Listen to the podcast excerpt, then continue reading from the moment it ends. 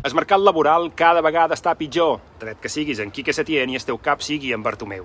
Així pots estar tranquil·líssim. A mi una vegada me varen fer fora d'una feina perquè havien d'enxufar el fill de l'amo, el que en política se coneix com a via unilateral. Si hagués fet feina per en Duran i Lleida, hagués tingut una tercera via, el que mai hagués arribat a saber quina era. Es cases que me varen fer fora en 5 minuts, una d'ui en tota regla. Despatx unilateral improcedent. Curiós que alguns empresaris, quan senten a xerrar en política de via unilateral o la d'ui, s'escandalitzin, però si són els mateixos que ho practiquen amb els seus treballadors. Quan perds una feina has de passar pel món de les entrevistes laborals, que són com un quarto oscuro perquè mai no saps que t'hi trobaràs. Això sí, menys una bona feina i una bona menys una bona feina i pots trobar de tot. I és que els temps que tardes en trobar una nova feina és totalment estressant. Mireu si no una Belén Esteban, pobra dona, que fa 30 o 40 anys que cerca feina, està sempre de mal humor. Que se pot esperar d'una dona que cada vegada que perd ses claus s'apunta a un acadèmic perquè pensa que l'inglès obri portes. Quan vas a una entrevista de feina has de vigilar moltíssim els conceptes que utilitzen els entrevistadors. Per exemple, quan te comenten que volen gent amb ganes de fer feina. Perdó?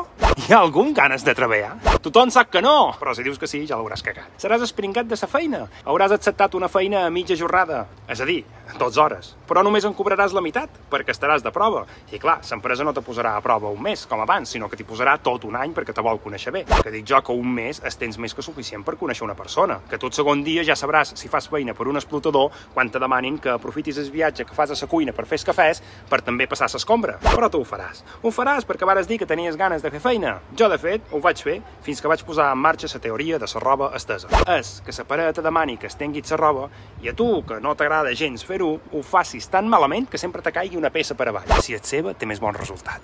Tan aviat deixes d'estendre roba com de fer cafès si utilitzes la mateixa càpsula 10 vegades. Un altre concepte és que te diguin que tenen grans plans per tu o que te volen veure pujar dins l'empresa.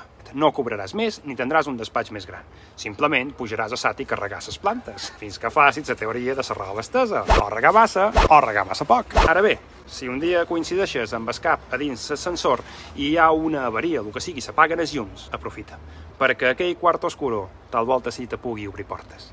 Au!